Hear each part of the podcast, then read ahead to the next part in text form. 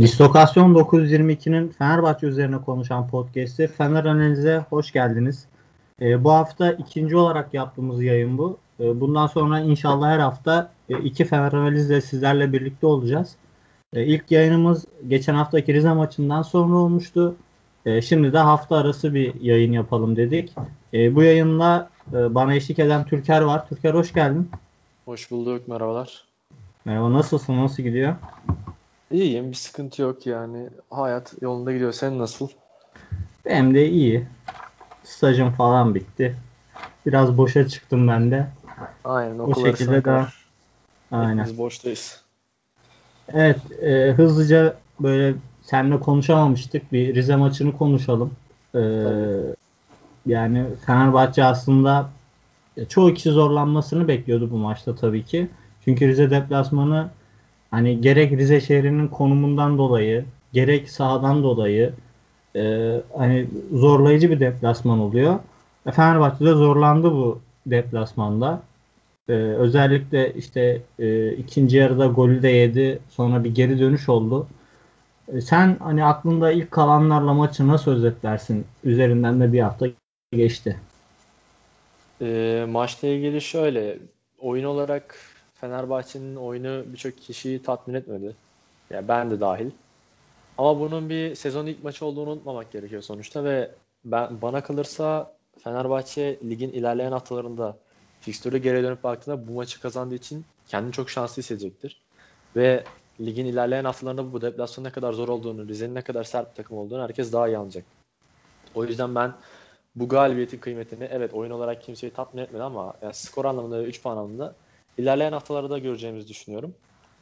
E, Fenerbahçe taraftarında da şöyle bir şey oluştu tabii. Rakipler fena başlamadı. Beşiktaş'ın Trabzon deplasmanında kazanması, Galatasaray'ın net bir oyunda kazanması ve Fenerbahçe'nin diğer rakiplerine oranla görece ilk haftayı özellikle oyun olarak biraz daha vasat geçirmesi bazı karamsarlıklara yol açtı.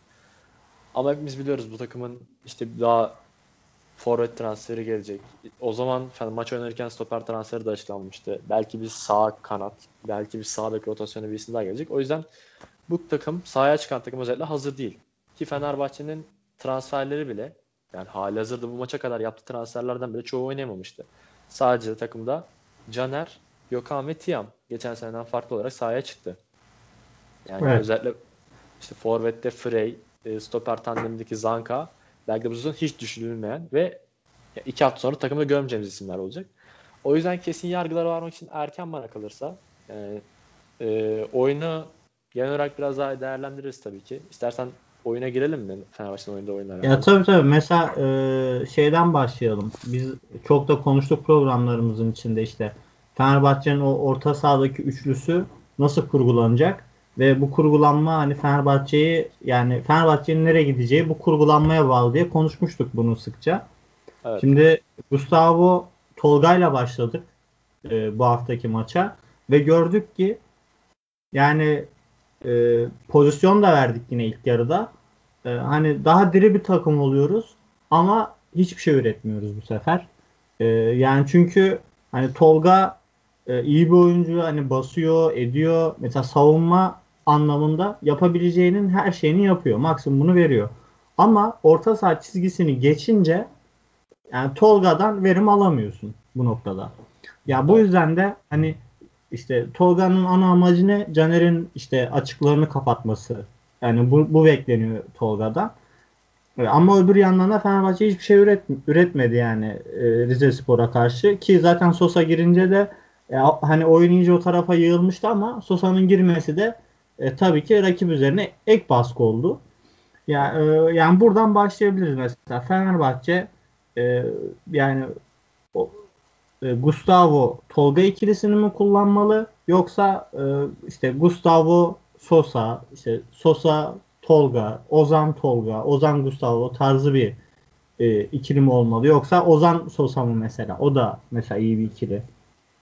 Ee, biz şimdi senle sezon öncesi programlarımızda Fenerbahçe'nin klasik 4-3 oynayabileceğinden bahsetmiştik işte sağ iç sol iç diye. Hı hı. Ama sezonun ilk maçında baktığımızda ve hazırlık maçlarında da tabii kadronun tamam olmasıyla da alakalı bu. Fenerbahçe klasik 4-2-3-1 dizilişiyle çıkıyordu sahaya. Bugün de bir iki hazırlık maçında da bu turnuvada da gördük. Tolga yine Jason oynamıştı ama Gustavo'nun yanında daha defansif orta saha bir isimle başladı Erol Bulut. Hazırlık maçlarında da bu maçta da. Şimdi Tolga ile Gustavo yan yanınca şöyle bir olay da var. Bizim genelde beklediğimiz Gustavo'nun daha stoperlerin arasına girip Tolga'nın biraz daha ileride oynamasını bekliyorduk ama tam tersi oldu. Gustavo Ersun Hoca'nın kullandığı, kullanıldığının aksine, Ersun Hoca kullandığının aksine e, stoperlerin arasına girmedi. Daha çok orta sahanın ortasında yer almaya başladı. Yani Tolga'nın bile önündeydi. Bunu hani izlerken de fark ediyorduk. Tolga daha derine gelip top alıyordu. Şimdi şöyle bir sıkıntı var. Gustavo'yu sen orta sahanın biraz daha ilerisinde kullanmak isteyebilirsin ama bu oyuncunun en iyi verim verdiği yer kesinlikle e, stoperlerin arasına girip top aldığı yerler. Şimdi Gustavo'yu böyle kullanmadığında, Gustavo'yu biraz daha oyun kurucu özellikle kullanmaya çalıştığında Gustavo evet inanılmaz kaliteli bir oyuncu ama o oyun kurucu özelliğini çok da üst düzey değil. Yani bizim ligimizde bile. O şekilde kullanamazsın sen Luis Gustavo'yu. Tabii ki de işte Tolga Gustavo yayına kullanacağı set oyununda bir oyun kurmak, pas kalitesini arttırmak çok zor. Bunların önünde Deniz Türüç oynayınca da tam olarak Fenerbahçe'nin hayal ettiği bir isim değil Deniz Türüç. Orta saha, ofans orta olarak. İşte orada şu ana kadar rotasyonda da bir daralma oldu. Zayx'i gönderdi Fenerbahçe. Mehmet Ekici'yi gönderdi. Belki de hücuma yönelik orta sahada Sosa ve Mert Hakan'dan başka herhangi bir isim kalmadı ki forvet arkadaşında eline sadece Mert Hakan var Fenerbahçe'nin. Belki kullanırsa Ömer evet. Faruk ve Ferdi oraya kaydırılırsa. Ama çok zengin bir orta saha rotasyonu kalmadı. Hücuma yönelik özellikle. Bundan ileride bahsederiz Fenerbahçe'nin transfer. Şunu da sorayım. Ee, mesela Deniz e, oynadı Rize Spor maçında. Evet. Ama hani Deniz ofansif orta sahadan çok sanki böyle hani 9.5 gibi hani evet. gizli forvet gibi hani oynadı. Belki şunu da yapabilir hoca. Mesela Mert Hakan'ın yokluğunda işte Deniz'de kullanmak istemezse belki işte forvetin arkasına işte Valencia veya hani orada aslında Ferdi de oynayabilir. Ferdi'nin asıl çıkış mevkisi de orası. Evet. Ee, yani bakınca hani 4-2-3-1 oynamanın belki de iyi yanlarından biri hani oraya devşirebileceği oyuncuların olması e, Erol Bulut'un. E, aynen 4-2-3-1 oynayabilir tabii ki. Hatta işte klasik 4-4-2 de oynayabilir bu takım baktığında ama şöyle bir sıkıntı var. Eğer 4-4-2 ve 4-2-3-1'i Tolga Gustavo gibi iki isimle oynarsan o bağlantı inanılmaz kopuyor forvetler evet, evet, yani. evet. Valencia veya Valencia yanındaki forvetle Gustavo arasında inanılmaz 40-50 metre boşluk olacak. Fenerbahçe'de de o bağlantı yapabilecek isimler baktığında Mert Hakan ve Sosa ve görece Ozan. Ben sezonun belli kısımlarında burada konuştuk. Tolga Gustavo'yu çok fazla değerlendirecek diye konuşmuştuk. Ben yine spesifik maçlarda işte belki de deplasman derbilerinde bu ikiliyi kullanacak diye düşünüyorum. Evet. Üçüncü ee, hafta yine bu ikili çıkabilir belki. Ya büyük oran. Çünkü ben hocanın Ozan Tufan'ı ya evet Ozan Tufan mesela milli maçta da hiç fena gözükmedi ama nedense Ozan Tufan'la devam edeceğini düşünmüyorum sezon içerisinde. Yani kullanacaktır tabii ki ama Tolga gerek işte bu herhalde bilmiyorum e, Almancı dediğimiz Erol Bulut da o ekolden geliyor. İşte Deniz Türüç, Sinan ve Tolga Ciğerci gibi isimler ya hocayla belli bir kültürden anlaştığı için veya hocanın da eğitimini aldığı kültürü onlar da o eğitimi aldığı için bilmiyorum daha yakın bir kafada geliyor herhalde oyuncular ve istediklerini daha yapıyor herhalde. Ya Fenerbahçe'nin çünkü e, fazla oyun olarak bu bir pas oyunu veya bir hücum futbol oynanacağını düşünmüyorum. Çünkü bakıyorum maç sonunda hani istatistiklere Rize Spor Fenerbahçe'den daha fazla pas yaptı ve Fenerbahçe sadece 380 pas yapmış. Evet. Ya bu takım pasör de bir takım da değil. Çünkü Caner bu takımın 60. dakikaya kadar hatta 73 işte Sosa girene kadar tek hücum silahıydı. Ya Fenerbahçe topu oyuna topu aldığında set oyununda e, tek üretebileceği kısım Caner'di sol bekti. Gökhan da çünkü çok etkili değildi. Önünde Tiam oynadı. Tiam'a da gelelim hemen. Tiam'ı hoca sağ açıkta kullandı bu maç. Şimdi Tiam'ı sağ açıkta kullandığında verimi ciddi şekilde düşüyor. Çünkü Tiam'ı bildiğimiz gibi solda daha iyi oynadığını biliyoruz sol açıkta ve özellikle işte ceza sahasında koşularla falan. O koşuları daha iyi yapıyor. Çapraz koşuları ceza sahasında.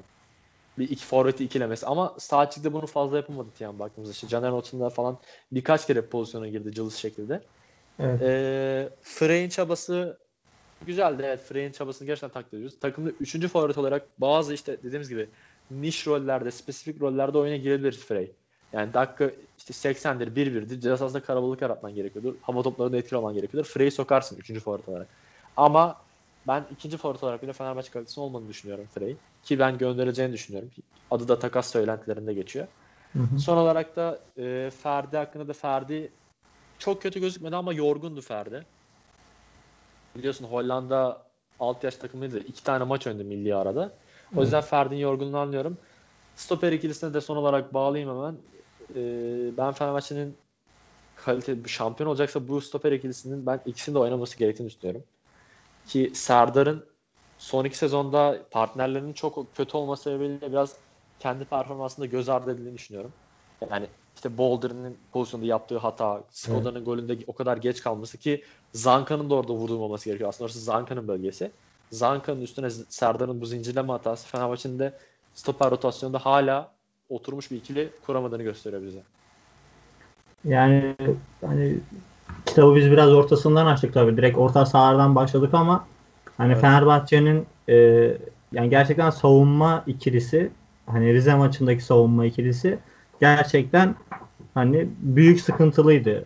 Ee, yani Zanka alış alışıla geldiğin üzerinde bir performans göstermesine rağmen daha temiz bir oyun çıkarmasına rağmen bu sefer de Serdar mesela dediğin gibi çok basit hatalar yaptı. Kariyerine, tecrübesine yakışmayacak hatalar yaptı. Ee, yani o yüzden Fenerbahçe'nin tabii ki bu kadrosunda bazı noktalarda oynamalar olacak. Ee, ama yani bir beşin yani milli maç arasına gidilmeden önce yani büyük ihtimal yine hani bu ayarda olacak takım. Hani büyük bir sıçrama olmayacaktır. Çünkü e, yani oyuncu da gelse mesela bu hafta içi işte forvet de gelse vesaire e, hani alışma sürecidir işte takım alışacak, şehre alışacak, oyuna alışacak vesaire. Yani Fenerbahçe'nin bütün takımlar gibi bir milli maç arasını bir beklemesi gerekiyor. Şimdi hani derbi derken üçüncü hafta evet. bir derbi var. Bu hafta mesela Hatay maçı var. Hatay'da Başakşehir'i yenip e, geliyor. Yani bu noktada Fenerbahçe aslında zor maçlar bekliyor bu iki haftada. E, işte yani Fenerbahçe'nin bu noktada elindeki hani hazır oyuncularından iyi bir performans çıkarması gerekiyor. Ya yani mesela Tiam hazırlık maçlarında çok iyiydi. Hani bakınca Fenerbahçe'nin böyle en üretken, en diri oyuncularından biriydi. E, ama o da mesela 50. 50 dakikalarda çıktı yani. Çünkü kötüydü. Hani evet. etkili olmaktan çok uzaktı. Hani Fenerbahçe'de işte işler yürümeyince hani orta sahadan bir şeyler üretilmeyince bu sefer e, öndeki oyuncular da pek bir şey yapamıyor e, o noktada. E, yani Frey yani Frey'le de konuşacak olursak yani bence Frey 3. forvet bile olarak kalmasına gerek yok yani e, hani altyapıdan falan bir oy, oyuncuyu evet. koysalar kadroya hani Frey'in 3. forvet olarak bile kalmasına gerek yok yani. Tamam koşuyor ediyor ama ya mesela altı pasın içinde top versen belki atamayacak. Hani kalite sorunu çok yani büyük tabii ki. büyük bir kalite sorunu var. Mesela tamam fiziği var. işte topu koruyor ama mesela o topla dönüp gidemiyor veya o topu koruyup arkadaşlarına bazen kazandıramıyor. Yani kötü paslar veriyor. Yani bu noktada aslında harcadığı eforun da kendisine de bir yararı yok. Yani neredeyse boşa kendini yoruyor Frey 90 dakika boyunca. Ya bu noktada hani kurtulabilirler mi Frey'den bilmiyorum.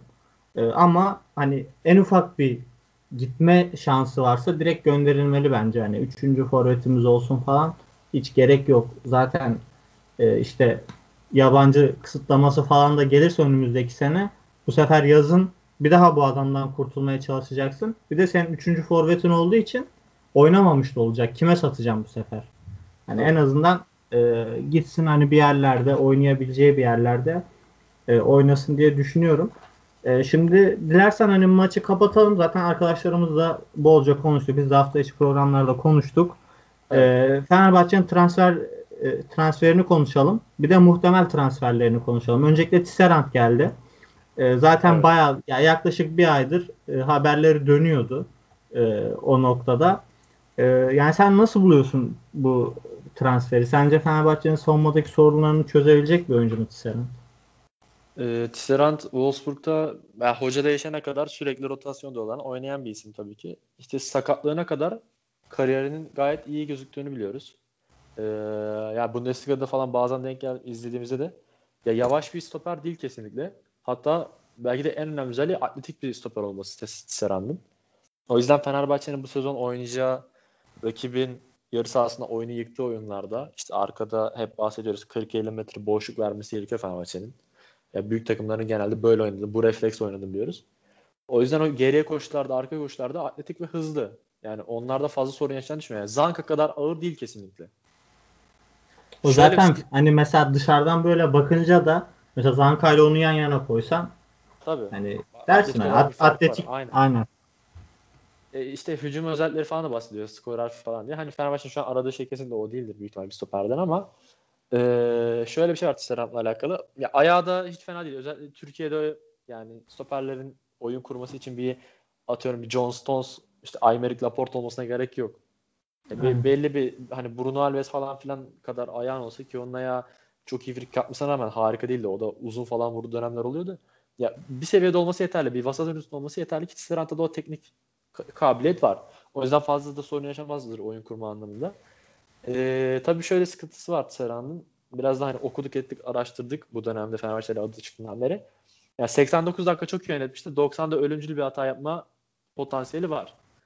Ki zaten hani bu potansiyeli olmasa Fenerbahçe'ye bu ekonomik şartlarda gelmesi zor gözüküyor. Wolfsburg hani 3 milyon 4 milyon euro bandına bırakmaz. Kendileri de oynatır. Evet.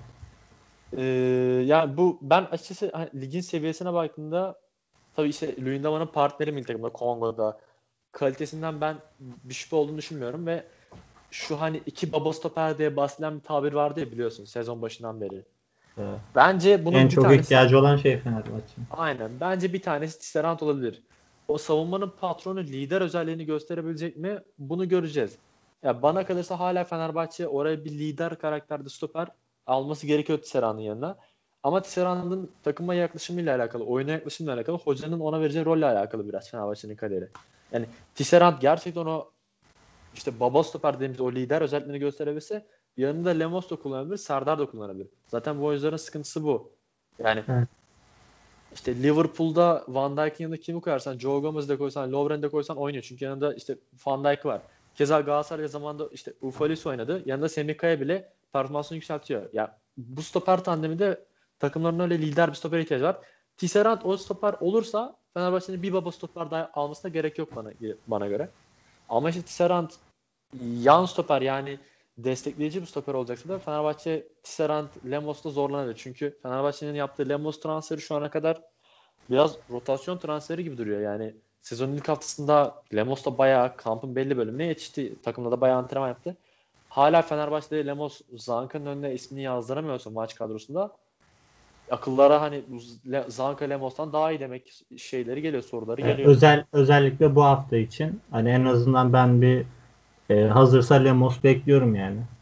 yani Zanka evet, Hatay maçında tabii Hatay maçına geliriz birazdan ama geçelim mi bilmiyorum. Transferlerdeyiz şu an. Hatay maçını ileride konuşuruz. Şeye geçelim istersen. Stoper transfer Serant'ta senin söylemek istediğin bir şey var mı? E, ben şunları ekleyeyim. E, şimdi e, Tisserant aslında hani profil olarak bizim ligimize uygun bir oyuncu olarak duruyor. Ancak mesela işte Galatasaray çok iyi başladı lige. Onların mesela stoper ikilisine bakıyorsun. İşte Luyendam'a Marka var. E, hani bu noktada Fenerbahçe'nin bence bu sene en büyük rakibi Galatasaray olacak. Ve e, Fenerbahçe en azından stoper ikilisi olarak henüz o kaliteye ulaşamadı. Tabii. Ee, hani Serhat ne kadar iyi bir oyuncu olursa olsun hani Luyendam ve Marcao'nun en azından hani e, işte lig üzerine de tecrübesi var. Hani oyuncuların kalitesi de belli zaten. E, talipleri olan Avrupa'da isimleri olan oyuncular. Ya bu noktada e, Fenerbahçe'nin hani şu kalan az zamanda bir stoper daha alabilir mi bilmiyorum. Planlarında da yok gibi duruyor. Hiç hani haber falan da çıkmıyor e, evet. son zamanlarda. Ya büyük ihtimal işte Serdar, Tisserand, Lemos, Zanka veya Sadık hangisi kalırsa öyle bir e, dörtlü stoper hattıyla Fenerbahçe e, götürecek en azından yarı e, döneme kadar. E, yani dediğim gibi Fenerbahçe'nin işte bir en ucu forvet hattı. Bir de en e, gerideki bu savunma hattı büyük soru işaretiydi. E, Tisserand bir miktar sildi hani savunmadaki soru işaretlerini. E, tabii performansını da görmek lazım sahada. Son dönemde çok e, hani düzenli şekilde forma bulamayan da bir oyuncu. E, yani o yüzden şimdi e, eksiğin diğer tarafına geçelim. Tabii. Forvetleri konuşalım biraz. Fenerbahçe Vedat'ı sattı. Yani satacağı da bayağıdır belliydi. Ama e, bir forvet oyuncusu ayarlayamadı oraya hala. E, ilk hafta maçta oynandı. Bu hafta da maç oynanacak ve hala Fenerbahçe Santrafor transferini yapamadı. Fire ile çıktı ilk hafta maçına. İşte hazırlık maçlarında da Fire oynadı, Tiam oynadı. E, o şekilde geçiştirildi. Şimdi hani konuşulan isimlerden yola çıkarak konuş devam edelim. Zeruis ismi geçti. E, Okaka ciddi şekilde e, hafta içi ismi geçti. E, Samatta'nın ismi geçiyor. Yine e, Seferovic söylendi bir başka isim olarak. Ya bu 4-5 oyuncu bu şekildeki 4-5 oyuncudan Fenerbahçe e, iki tane transfer yapacak. E, sence Fenerbahçe'nin hani 4-2-3-1'de oynayacağını düşünürsek nasıl bir oyuncu yapısına ihtiyacı var bu ikili olarak? Şimdi bu isimler içerisinde en çok parlayan isim ve taraftarın da belki en çok istediği isim Samatta gibi duruyor. Ee, Samatta West Ham'da West Ham'da işte çok da öyle hayal ettiği performansı yakalayamadı. Oraya bir de West Ham'da Wesley de var. O rotasyona girmesi de biraz zor Samatta'nın baktığımızda. Ee, yani en çok konuşulan isim bu bir haftalık süreçte tabii her uyandığımızda Fenerbahçe bir forvet almaya başladı yani. O kadar fazla isim dolanmaya başladı kulüpte ve gündemde. Ya bence Fenerbahçe Samatta'nın arkasına kimi alırsa alsın rotasyona. Forvet rotasyona oldukça yeterlidir. Çünkü Samatta ile Zelois'i de işte Galatasaray'ın iki senedir ne kadar çok istediğini biliyoruz Beşiktaş'ın falan. Ya Samatta gerçekten ligimize de inanılmaz uygun bir isim. Ben eğer Samatta kalitesinde hatta direkt işte ya Samatta'yı alırsa Fenerbahçe ligdeki en iyi forvet olabilir mi? Falcao ile baktığımızda Sörlot'un da ayrılacağını düşünürsek. Yani Falcao ile birlikte Falcao'nun form durumunu da bilmiyorum ama yani bütün sezon böyle devam edecek mi? Samatta ligin en iyi forvet performansını verebilir. Eğer gelirse. Tabii gelmesi de kolay değil. Fenerbahçe bir kiralık model düşünüyor. Evet. Emre Belözoğlu ve yönetim. Ee, yani işte Samatta'nın tabii Aston Villa performansı hiç memnun değil, tatmin edici değil.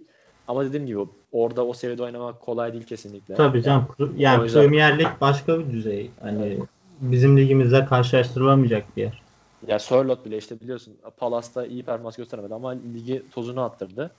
Evet. Ama Genk, Genk performansını çıkarırsa Samat'ta çok özel bir oyuncu. Ya umarım Fenerbahçe'nin ben zaten tahmin ediyorum ki transfer listesinde de ilk sıradadır. Sporar ismi de geçiyordu. Yani benim şu an bu isimler arasında Sporar ve Samat'la zirvedeki iki forvet benim için. Hangisine getirse Fenerbahçe birinci forvet olarak harika isimler olacaktır. Ya, o zaman ee, ben cehaletimi senle gidereyim. Ben mesela hani Sporar'ın ismini de duyuyoruz dediğin gibi. Hani e, senin gibi taraftar olan arkadaşlar da var. İşte Sporar iyi olur, gider bu lige tarzı. Ya mesela Sporar'ın e, nasıl tanımlarsın mesela ligimizdeki hangi oyuncuya benzer? Ben çünkü oyuncuyu gerçekten tanımıyorum. izlemedim de. E, yani Sporar hani Fenerbahçe'ye ne katar? İşte Vedat mıdır ya da Falcao mudur hani tipleme olarak, kalite olarak bahsetmiyorum. Nasıl bir oyuncudur? Ee, Ondan bahsediyorum. Ya şöyle aslında baktığında biraz ortası gibi. Yani Vedat kadar öyle boğuşan eden bir forvet değil. Evet fiziği iyi durumda Sporar'ın. Ya e, kısa bir isim, kısa boylu bir forvet değil işte. Veya Zahavi kadar böyle ince pivot santrafordan uzak bir isim değil. Yani sırt dönük top aldığında hava hakimiyeti oldukça iyi. Kafa vuruşları falan da oldukça iyi bir isim Sporar'ın. İşte 1.86 boyu var. Baktığında kısa bir isim değil kesinlikle forvet olarak. Ee, ama tekniği de ben hani Vedat'ın bir iki te- şey önün bir iki gömlek üstünde kesinlikle. Yani e, kariyerinde şöyle bir şey var. Slovenya'da çok iyi günler geçirmiş. Sporting'e geri döndü. Sporting'de o kadar üstün performans gösteremedi. Ama yani özellikle bitiricilik anlamında ben Fenerbahçe çünkü Vedat'a sahipken o striker özelliklerini çok aradı. Vedat evet çok kaliteli forvet. İşte boğuşuyor. Hava hakimiyeti hiç fena değildi. Ee, işte şutları vesaire çok güçlüydü ama Vedat da o Falcao kalitesini bitirecek bekleyemez tabii ki ama o striker özellikten biraz yoksundu açıkçası. Yani finishing'i o kadar iyi değildi Vedat'ın. Sen de katılırsın. Evet, Sporar evet. 10 üzerinden 9 falan verirsin bitirici anlamda kesinlikle. Eğer formuna o formu yakalayabilirse. Ee, tipleme olarak işte dediğim gibi Zahavi Zahavi'den çok daha güçlü, kuvvetli bir isim. Fiziksel olarak daha sağlam bir isim. Ama Zahavi'nin o bitirici kalitesinden de ben hiç eksik olduğunu düşünmüyorum Sporar'ın. Avrupa tecrübesi de var. İşte dediğimiz gibi Avrupa futboluna da çok uygun bir isim. Ee, Zahavi'den çok daha fazla Avrupa futbolunda oynamış bir isim. Yani ben kesinlikle Sporar mı Zahavi diye sorsan iki hafta önce kesinlikle Sporar derdim. Ama Samatta riskinde alırsın. O yüzden ben Samatta Sporar'dan hangisini tercih ederse okey diye düşünüyorum. Tabii Fenerbahçe'nin bir ikinci forvet alması gerekiyor. Frey kalmayacak gibi gözüküyor. Fenerbahçe orayı Tiam'la da tamamlamak istemiyor. Bu 30-15 G'yi malum. Ya iki kişiyi kesin alacaklar ya. O hani belli. Evet. Hani Okaka bile olsa mesela çoğu kişi istemiyor Okaka'yı. Ben de dahil. Ee, hani iki kişiyi alacak Fenerbahçe bu e, 4 Ekim'e kadar. Ya Okaka ikinci forvet olarak o kadar da karamsarlığa sokulacak bir isim mi? Ya Eğer- gelebilir. Maliyetleri o şekildeyse eğer Tabii, hani çok- yazıldığı şekildeyse maliyetleri çok yani. Hiç Yani gerek yok öyle Fenerbahçe bir. zaten şöyle eğer planın iki tane çok iyi forvet almaksa rotasyon gözünü kararttıysan tamam. Ama yıllık 2 milyon euronun üzerinde Fenerbahçe'nin maaş vermesi gereken bu listede sayalım yani. Sporara vermeli Fenerbahçe. 2 milyon üzeri bir maaş verecekse. Zelu ise belli riskleri olsa da Zelu ise verebilirsin. İşte Seferovic'e tabii ki de verebilirsin. Onun dışında bu listede 2'nin üzerinde vermen gereken Samatta'ya verebilirsin. 2'nin üzerinde hiçbir oyuncu hak etmiyor. Yani ne Okaka e, ne ismi geçen Papi Sisse. Papi Sisse de konuşuluyor. Fenerbahçe'nin hatta köprüden önceki son çıkış cebinde tuttuğu bir şey gibi Papi Sisse. Hala kimseyle sözleşme imzalamadı. Hala serbest. Ya Papi Sisse de gelse mesela evet ilerlemiş yaşına rağmen sonuçta geçen sezon Erol Bulut'la çalıştı ve başarılı oldu ve ya gol sayısı da bayağı yüksek. Ya İlginç eğer- bir forvet. Ee, mesela önünde bir oyuncu alınacaksa yedek ise bence çok iyi tercih olur. Tabii ki de yani Sisse Yani- koy Sisse Aynen. şey de kullanabilirsin Tiam gibi ikili. Ama yıllık yani Sisse. bir yıllık sözleşme yapacaksın mesela. Adam iki istese yani bir artı bir en fazla Aynen yapabileceğin. işte. Orada zaten sorun Sisse'nin 3 yıllık istemesi galiba ve maaşını da biraz yüksek istemesi. Yani yıllık bir buçuktan Sisse'ye bir artı bir imza atarsan ki ben biraz da o taraftarım. Sisse'nin maaşını indirebilsen işte bir, bir artı bir ikna edebilsen hemen Hatay maçında direkt sahaya at yani imzaladığın günün ertesi günü. Ama Fenerbahçe herhalde onu biraz daha bekletiyor. Son işte bu Zelüisler, Samatlılar, Sporarlar bitirilemezse diye düşünüyor. Ee, bilmiyorum umarım Fenerbahçe bu iki forvet transferini derbiye kadar halleder ve Fenerbahçe derbiye gerçek bir forvetle çıkar diye düşünüyorum. Yani şöyle e, Erol Hoca'nın da bu noktada e, antrenmanlara çok dikkat eden bir hoca olduğu biliniyor zaten. Evet. E, mesela alınsa bir oyuncu mesela bu önümüzdeki hafta içi kullanır mı derbide ben çok emin değilim yani. Es geçebilir belki yine işte Frey'le devam edip e, en azından işte takımın alışık olduğu bir oyuncu diye hani o şekilde bile geçebilir ama e, en azından işte taraftarların ve yine teknik direktörün kafasının rahat olması için bu işin bir an önce e, çözülmesi gerekiyor artık. Yani Fenerbahçe e, hani Vedat'ı sattı, iyi bir para kazandı. E, iyi bir şekilde de değerlendirirse hani ben de mesela favori ikilimi söyleyeyim. E, ben de hani Samatta tarafındayım. Samatta'nın kesinlikle hani alınabiliyorsa alınması şartların zorlanması gerektiğini düşünüyorum. E, benim diğer tercihim de e, Zeluis olurdu. E, çünkü hani Samatta ile Zeluis birebir aynı oyuncu değil ama mesela ikisiyle farklı oyunlar oynayabilirsin. Tabii. İşte biriyle hani A ve B planların olabilir mesela. İşte Samatta ile başlarsın ya da e, işte oyun ilerledikçe mesela biraz daha önde top tutayım dersin diye hani Zeluis'i atarsın ikinci forvetin olur. Hem Samatta'ya hem kanattaki adamına yer açar falan. Yani farklı oyunlara e, yardımcı olur Zeluis. Ama e, eğer anlattığın kadar bir oyuncuysa Sporar o da bence hani iyi bir e, isim gibi duruyor bu noktada Fenerbahçe için. Fenerbahçe stoper transferini halletti. E, umarız Santrfor transferini de halledip e, hani belki Galatasaray maçına değil ama milli maç dönüşünde e, iyi bir Fenerbahçe izlemeye bas- başlarız artık. Benim mesela bu hafta işte Hatay maçına da geçelim buradan. E, Zeluis'le mesela- ilgili son bir şey söyleyeyim. Tabii, tabii, Zeluis ya evet ka- kaliteli bir isim kesinlikle. Fenerbahçe birinci forvet olarak Zeluis getirse bile çok fazla itiraz edenimiz olmaz yani bu ekonomik şartlarda falan. Zeluis'le ilgili sorun biraz Porto taraftarıyla ilgili hani o haberleri falan da gördüm. Porto taraftarı biraz şikayetçiymiş mental anlamda özellikle Zeluis'in davranış biçimlerinden. Ee, işte Fenerbahçe geldiğinde o sorunları yaşar mı? Yani risk dediğim konu oydu biraz daha. Mental anlamda kendini hazırlayabilir mi? Ya bir Cagne Emenike kadar ben kafayı kıracağını düşünmüyorum ama biraz işte sosyal medyada çok düşkün olması vesaire yani çok o oyuncuda isteyeceğimiz ya fokusu tam olarak futbol değil gibi duruyor Zeluis'in. Son yıllarda özellikle işte taraftar da bundan şikayet etmiş ortada. Ya tek sıkıntısı o işte kafasını futbola verme muhabbeti. Ya onu hallederse tabii ki de dediğin gibi Zeluis'i birinci forvet olarak bile istersin. Evet yani Fenerbahçe'nin hani bu noktada takip ettiği oyuncu profilinde aslında herhangi bir sıkıntı yok. Evet. Ee, hani iyi oyuncuların peşinde Fenerbahçe. Ee, ama işte bitirebilecek mi? Onu görmek lazım. Kimleri e, en son olarak kadroya ka- kaydedecek? Bunları görmek lazım. Ee, şimdi hani Fenerbahçe'nin bir de ben bu hafta içi bir aslında hani çalıştım kendimce. E, bir istatistik çıkardım. Rize e, Hatay maçına geçmeden bunu da paylaşmak istiyorum. E, şimdi Fenerbahçe'nin çok yaşlı bir takım olduğundan hatta işte e, Huzurevi SK, Huzurevi FK falan hani bu tarz benzetmeleri de yapıldı. E, şimdi Fenerbahçe'nin Rize Spor maçındaki ilk 11'in yaş ortalaması 28'di.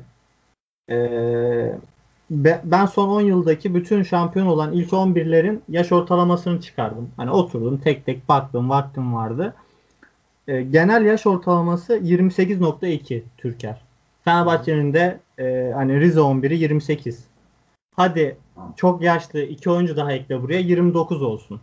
Yani bakınca aslında e, yapılan algıda bir yanlışlık var bu noktada. Hani Fenerbahçe yaşlı ama çok yaşlı bir takım değil. E, yani burada e, Fenerbahçeli dinleyicilerimiz de vardı. Belki başka takım taraftarları da dinliyordur. E, bunu da söylemiş olalım yani. Fenerbahçe yaşlı ama çok yaşlı bir takım değil. Yani zaten bir takımın şampiyon olması için hani herkes biliyor bunu. Bir yaş ortalamasının 27 idealidir bunun baktığımızda. Evet. Ya bak ben yazdım mesela son 10 yılda şampiyon olan en genç takım 11-12 e, Galatasaray. Onların da yaş ortalaması 27. 26.9 27 yani. Ya o takımda Ufalesi, Necati falan filan yaşı ilerlemiş oyuncular da vardı yani. Evet yani Semih'le işte Emre Çolak olması Düşün biraz onların tabii. Bir de Mustera o zaman tabii daha gençti. 25 yaşındaydı. Ee, mesela hani en genç kadro 27 yaşında şampiyon olabilmiş son 10 yılda. Yani bakınca iyi bir yaş ortalaması evet. var Fenerbahçe'nin hani bu noktada. E, o yüzden de zaten bayağıdır da haberi yapılmıyor işte bu huzur evi muhabbetlerinin. E, bunun da artık bence tartışılacak bir noktası yok. Hani ya zaten şu an ben de baktım Galatasaray'la yaş ortalaması aynı hemen aynı hani ondalık farklarla değişiyor sadece. Beşiktaş evet. bir nebze daha genç bir takım. Ki onlar da Joseph transferiyle işte gelecek ya ben, onların da yaş ortalaması biraz Mesela 11'leri hesapladım hani o, o sezon en çok oynattıkları işte en hedef oyuncularının bu yaş ortalamaları Tabii. yani. O yüzden e, Fenerbahçe'nin iyi bir yaş ortalaması var. Ama şu an iyi bir kadrosu yok. E, stoper ve e, Santrfor'da görmek gerekiyor Fenerbahçe adına. E, Hatay maçını değerlendirip yavaş yavaş yayınımızın sonuna gelelim. E, şimdi Rize maçını oynadı Fenerbahçe. Pek tad vermedi. Ben açıkçası Hatay maçından da çok büyük bir beklentim yok. E, yani Hatay çünkü oyunu tutabildiği kadar tutacaktır yine. E, hani Başakşehir'e bunu yaptılar. E, büyük ihtimal hani hem deplasman takımı olmalarından dolayı e, hem de Fenerbahçe'nin en azından lig başı itibariyle daha hazır görünüyor olmasından dolayı bence daha da katılaşacaklar bu noktada. O yüzden benim açıkçası Fenerbahçe özelinde pek bir beklentim yok bu maçtan. Umarım e, yani puan kaybı yaşamayız. Yani 1-0 olsun bizim olsun kafasındayım ben. E, sen ne düşünüyorsun e, Hatay Spor'la ve maçla alakalı? Ya Hatay Spor'un Başakşehir karşısında dediğimiz gibi Başakşehir'e topu verdi. Başakşehir %60'larda falan toplu oynadı zaten. E, gariptir Fenerbahçe'de Rize Spor'a yani bir belli seviye farkı olmasına rağmen kulüplerin isimlerine rağmen vesaire. Fenerbahçe oyunda yer yer topu verdi Rize Spor'a. Ya Fenerbahçe'nin öyle hazırlık maçlarında bahsettiğimiz o önde baskı, kaleciye baskısını falan hiç fazla görmedik. Fenerbahçe direkt orta sahada ikinci bölgede rakibi karşıladı. Bir kaleciye, stoperlere pres yapayım diye bir derdi olmadı kesinlikle ki elinde Frey, Deniz Tiyan varsa aslında biraz da bunu yapman gerekiyor. Ya bu özel pres özelliği yüksek oyuncular. Ama Fenerbahçe bunu tercih etmedi. Daha orta sahada karşılamayı tercih etti. Hatay Spor'a karşı bunu yapacak mı? Yoksa Hatay Spor'un defansını Hatay'a zorlayacak bir pres uygulayacak mı? Bunu göreceğiz. Hatay da çünkü o kadar iyi bir pas takımı değil. Ya Anadolu takımları zaten deplasmanda çok fazla pasla ilgili bir derdi olmadığını biliyoruz. Çok fazla öyle bir dert edinmiyorlar kendilerini ama e, topun Fenerbahçe'de olacağı bir maç olacağını düşünüyorum ben de. işte hocanın burada tercih edeceği orta saha rotasyonu. Burada bahsettiğimiz Tolga Gustavo ikilisi başlarsa önünde hem bir kopukluk oluşuyor orta sahada hem set oyununda yaratıcılık anlamında bir sorun oluşuyor. Ee, o yüzden ben hocanın Mert Hakan da antrenmanlara başladığını düşünürse ama senin de bahsettiğin gibi hoca oyuncunun bir takımda en az 4-5 antrenman yapmadan sahaya sürmeyi tercih etmiyor. Fenerbahçe için avantaj tabii maçın ta pazartesi oynanacak oynam olması.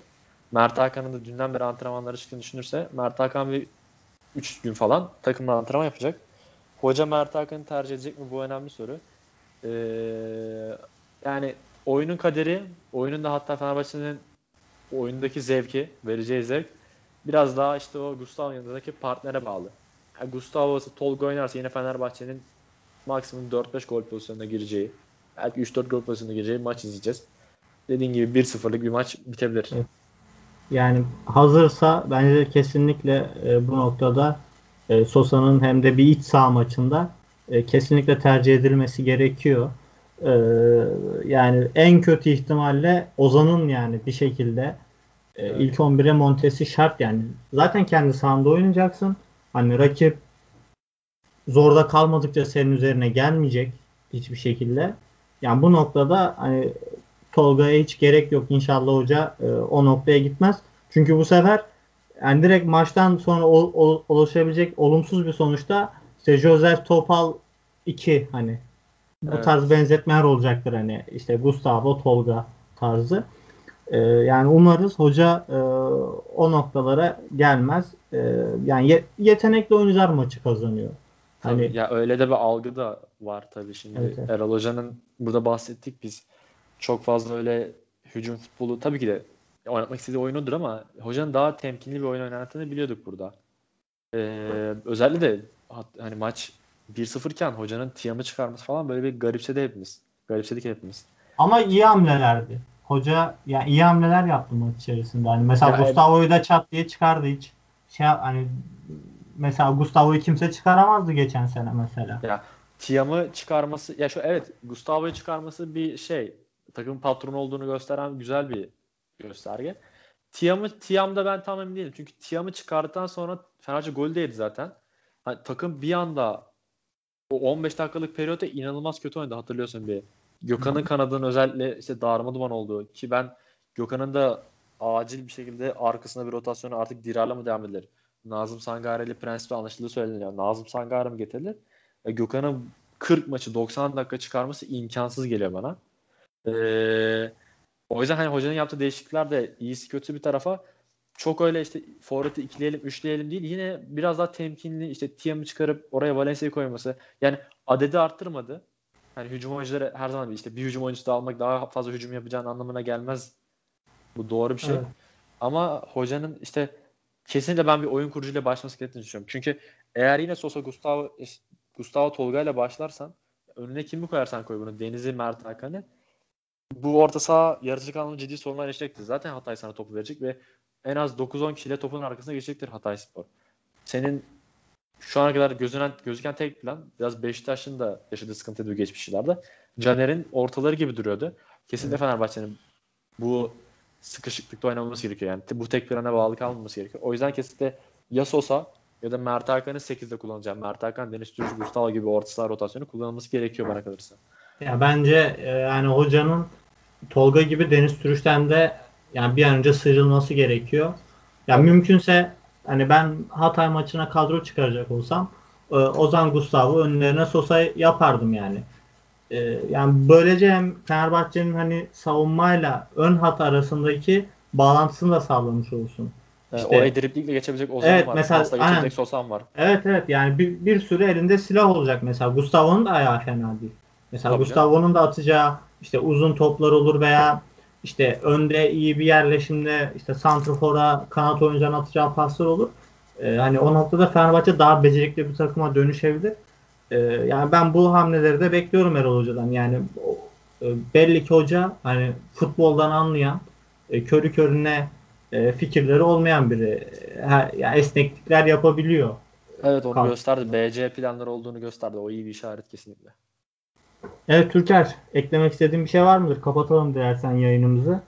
Ee, yani işte Hatay maçında ben yine senin de bahsettiğin gibi oyun olarak Rize maçına benzer bir oyun bekliyorum. Fenerbahçe'nin de umarım haftaya yani bence Hatay maçından hemen sonraki akşam forvet transferini hemen bitirmesini hatta bu hafta bitirebiliyorsa bitirmesini ve derbiye gerçekten Fenerbahçe seviyesine yakışır bir forvetle çıkmasını bekliyorum. Temenni ediyorum. Evet değerli dinleyiciler e, bu noktada biz de yayınımızı sonlandırıyoruz. E, Fenerbahçe Hatay Spor maçından sonra e, Fener Analiz'de yine sizle birlikte olacağız. İyi günler diliyoruz. Kendinize iyi bakın. Hoşçakalın.